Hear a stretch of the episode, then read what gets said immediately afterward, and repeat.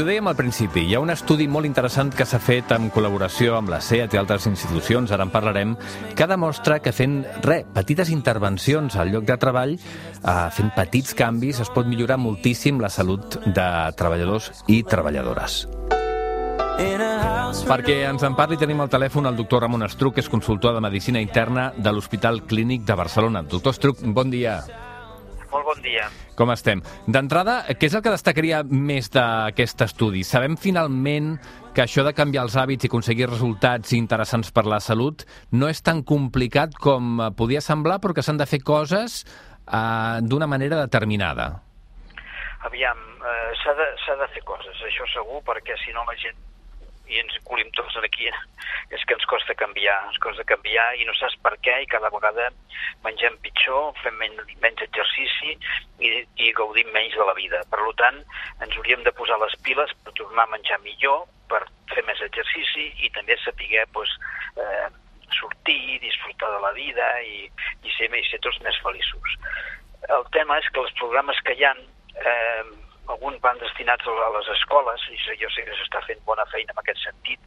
Els metges tenim més accés a persones de més edat, que són els que per mala sort o, per, o la realitat és que freqüencien més la, les consultes de, de, de, dels, dels centres de salut o de l'hospital i queda una franja entremig que és la, la, la, la població sana treballadora que realment doncs, aquí costa d'arribar per aconseguir. I aquí sí que hi ha empreses capdavanteres, com per exemple la SEAT, que vam començar un programa per millorar els hàbits, diguéssim, d'estil de vida de, dels seus treballadors i vam fer un, un, un programa pilot per, per comprovar si érem capaços d'aconseguir-ho.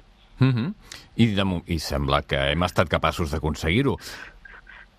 Sí, el que, és, el que realment, i això és, no, no és d'aquest estudi, sinó d'altres també hem fet nosaltres, és que a vegades petits canvis, que no cal fer aquí pujar l'Everest, eh? petits mm. canvis que fem als nostres hàbits tenen una una gran repercussió sobre la salut.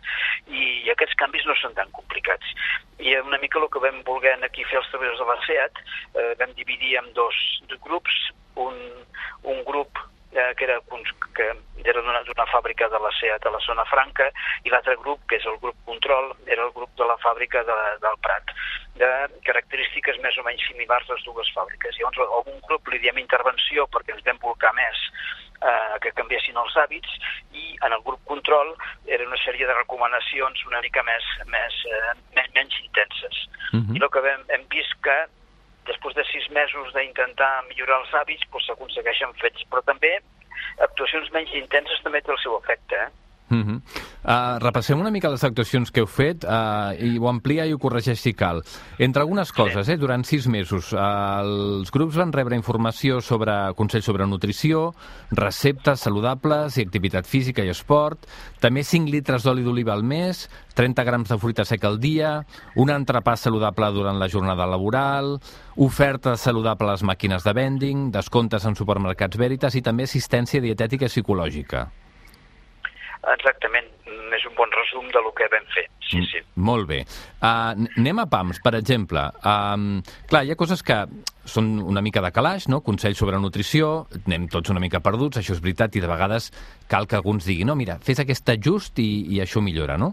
Però, per exemple, no. obsequi de 5 litres d'oli d'oliva al mes o, o 30 grams de fruita seca al dia. Això és perquè, uh, clar, els greixos uh, són fonamentals a una dieta saludable, però han de ser de bona qualitat. Sí, no, no, segur, segur, i ho eren, i ho eren, eh? eh però, aviam, nosaltres el que volíem era canviar tot l'estil de vida i, eh, i en aquest cas que parlem ara d'alimentació, doncs els, els hàbits d'alimentació. Llavors, per nosaltres és més important que us donàvem una llista de la compra eh, per, per, per 15 dies adaptada a l'estació de l'any que estàvem, perquè és molt important el producte de temporada. Mm. També us donàvem una sèrie de receptes de, que fossin saludables i que les, les animessin a prendre-la. Per tant, la, la nostra idea era canviar tota l'alimentació. El que passa és que de donar alguns ganxos perquè la gent s'hi agafi. Uh mhm. -huh. I això de donar l'oli, doncs, una mica t'està recordant cada dia quan cuines amb oli que aquest oli doncs, te l'han donat per l'estudi i tu de manera conscient o inconscient, ja segueixes més les altres recomanacions. Amb la fruita seca passava alguna semblant. I a l'entrepà, que ha tingut molt, molt enrenou a la premsa, perquè és veritat que va canviar l'entrepà de xoriço. De xoriço entrepà d'aguacate o d'humus o, o, de, o, de, o, de, o de peix eh, i de peix de formatge fresc. Mm -hmm. Realment això també era com, com, com, una, com un, un, una gratificació que els donava i per recordar que estaven a l'estudi sabem que canviar un entrepà no canvia tot l'estil de vida, però sí que et fa ficar una mica en la, en la, en la consciència que ho has de fer i, i, i, i, bueno, i totes aquestes coses ajuden, perquè que si no, només diuen una, una sèrie de... un folleto, mm, Clar, vas, però sempre és poca cosa. Clar, arribes a casa, el deixes al damunt de la tauleta i te n'oblides fins aquí tres mesos que acabes llançant, no? Exactament. Esclar, exactament. esclar. Um, i aleshores, el resultat quin ha estat després de sis mesos? Uh, què què, què s'ha evidenciat? No m'ha explicat, no m'ha explicat que abans, evidentment, es van es van analitzar les persones que formaven part eh, de l'estudi per veure els paràmetres que tenien en aquell moment de salut i s'han comparat amb els que tenen ara sis mesos després. Exactament. Eh? Perquè exactament. si no, no, no podem saber si hi ha hagut algun canvi positiu o no. Sí, sí.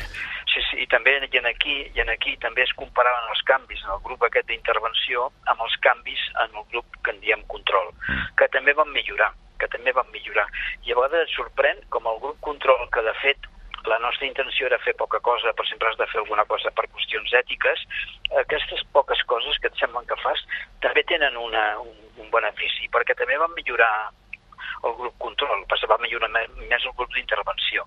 Llavors, quan vam mirar paràmetres de, diguéssim, de salut que vam veure, eh, vam perdre més pes el, el grup d'intervenció que el grup control, però especialment vam perdre cintura, el perímetre de la cintura, que això és una, una mesura de la, del, del greix abdominal que pensem que és el més dolent. Vull dir, el greix està repartit per tot el cos, però el que està diguéssim, en, en l'abdomen, eh, realment aquest segrega una sèrie d'hormones eh, i que aquests hormones afecten tot l'organisme i, i, i pensem que són responsables d'una entitat que es diu síndrome metabòlic i que, i que per tant, si baixem panxeta, doncs molt millor que si no pas redueixes globalment pes. Mm, de fet, el, el perímetre de la cintura està associat al risc cardiovascular, eh?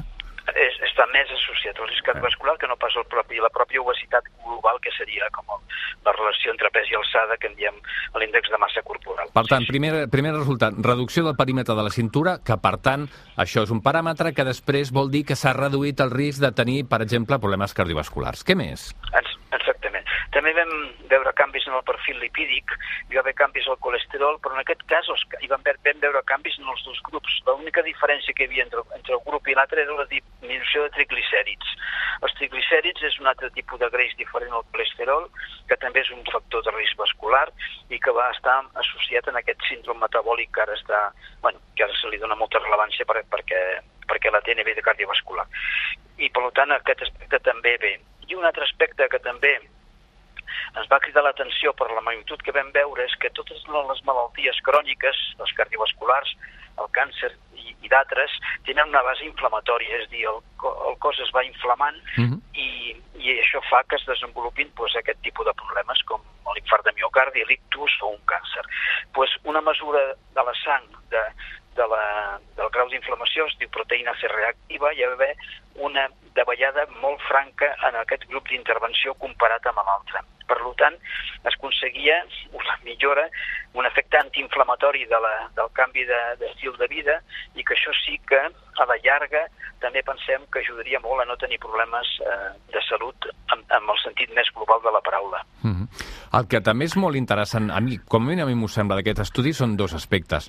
Un, que tot i que l'estudi es fa només amb treballadors i treballadores de la SEAT, clar, aquesta gent té famílies, arriben a casa i allò que han, els han explicat, que han après, que quan es, expliquen que formen part de l'estudi, tot això s'estén com una gota d'oli, com una, eh, una taca d'oli a dins de la pròpia família. Per tant, els efectes beneficiosos, que, que no els heu estudiat, però segur que n'hi ha hagut, sobre els propis membres de la família de les treballadores de la SEAT, no? No, no, no i fins i tot, fins i tot, en algunes, perquè aquí hi havia entrevistes individuals i el que en diem entrevistes grupals, és dir, que reunien els treballadors, que bàsicament eren els fora del l'horari laboral, perquè això sí que no es podia fer eh, durant, durant la feina, i, i que i se l'invitaven aquestes sessions que venien globals, eh, grupals que vinguessin també amb la parella. Si mm -hmm. una dona doncs, vingués amb l'home i si és una, una vingués amb la parella, la que, la que tingués. I, I en aquest sentit també doncs, van rebre, les famílies van rebre eh, una, una certa intervenció, no tan intensa com l'altra, però també l'oli era per repartir per la família i la fruita seca era per repartir per la família, perquè pensem que tothom, una de les característiques de la dieta mediterrània és menjar amb amics i amb, amb la família, per tant, que és molt, molt important la sociabilitat de tot això i i, i segur que hi ha efectes que no sabem mesurar tan bé com la pressió o el sucre, però que també té un efecte protector a nivell de salut global, com és eh, aquesta la sociabilitat, l'amistat, l'estar content, el ser optimista, i això, doncs, eh, lògicament, doncs, els companys i els amics hi ajuden, i la família hi ajuden a, a, a, a, tenir més, més, estar més contents, vaja. Mm. I un altre aspecte positiu que a mi em sembla és que, que s'ha vist que manipulant, entre cometes, eh, manipulant determinats entorns, eh, podem facilitar molt la vida de les persones perquè tinguin accés a un estil de vida més saludable. I segurament el lloc més útil on fer-ho és l'entorn laboral. Bueno, allà, com he dit al principi, és que depèn de l'edat que tinguis. Eh? Amb els nanos potser és més fàcil, i amb els joves a les escoles, eh, als instituts o, o, o en, a les acadèmies. La gent més gran, eh, doncs, lògicament ja no treballen i llavors potser ha de buscar doncs, els casals d'avis o, o els centres de salut per poder arribar-hi eh, també amb aquesta gent, però ja, com deia, hi ha uns, aquest segment intermig, com que no estan malalts, gràcies a Déu, eh, i a la salut pública pues, no van al metge o van poc al metge, llavors l'únic accés que tenen al lloc a través dels centres laborals de salut. Mm. I, mm-hmm. I aquí també es poden fer molta feina, sens dubte. I tant. Vostè, doctor, què n'ha tret al final de tot plegat? que hem de seguir lluitant per la dieta mediterrània perquè ens costa tant perdre el que tenim i costa tant de guanyar el que hem perdut, aquí ens hem de posar tots a remar en aquesta direcció. I, i també una vegada més m'ha sorprès que sense haver-hi grans canvis d'hàbits veus un efecte molt immediat perquè els sis mesos és tot. Eh, home, és bastant temps, perquè no, no, hi ha estudis que es fan a un mes o a tres mesos, vam fer-ho a sis per, perquè fer canvis més, més sostinguts eh, i realment ja pots veure canvis. Per tant, clar, el que animes és que, diguem, si totes les empreses doncs, una mica agafen el model de SEAT i em consta que algunes altres també ja ho fan, d'ocupar-se de la salut dels seus treballadors, però no només de mesurar com estan, sinó actuant de manera, de manera diguéssim, molt proactiva per, per millorar aquests hàbits. Clar, perquè si un va a una màquina de vending i troba una fruita seca mm, sense sal i sense fregir o, o un tigretón, clar, la diferència és abismal, no?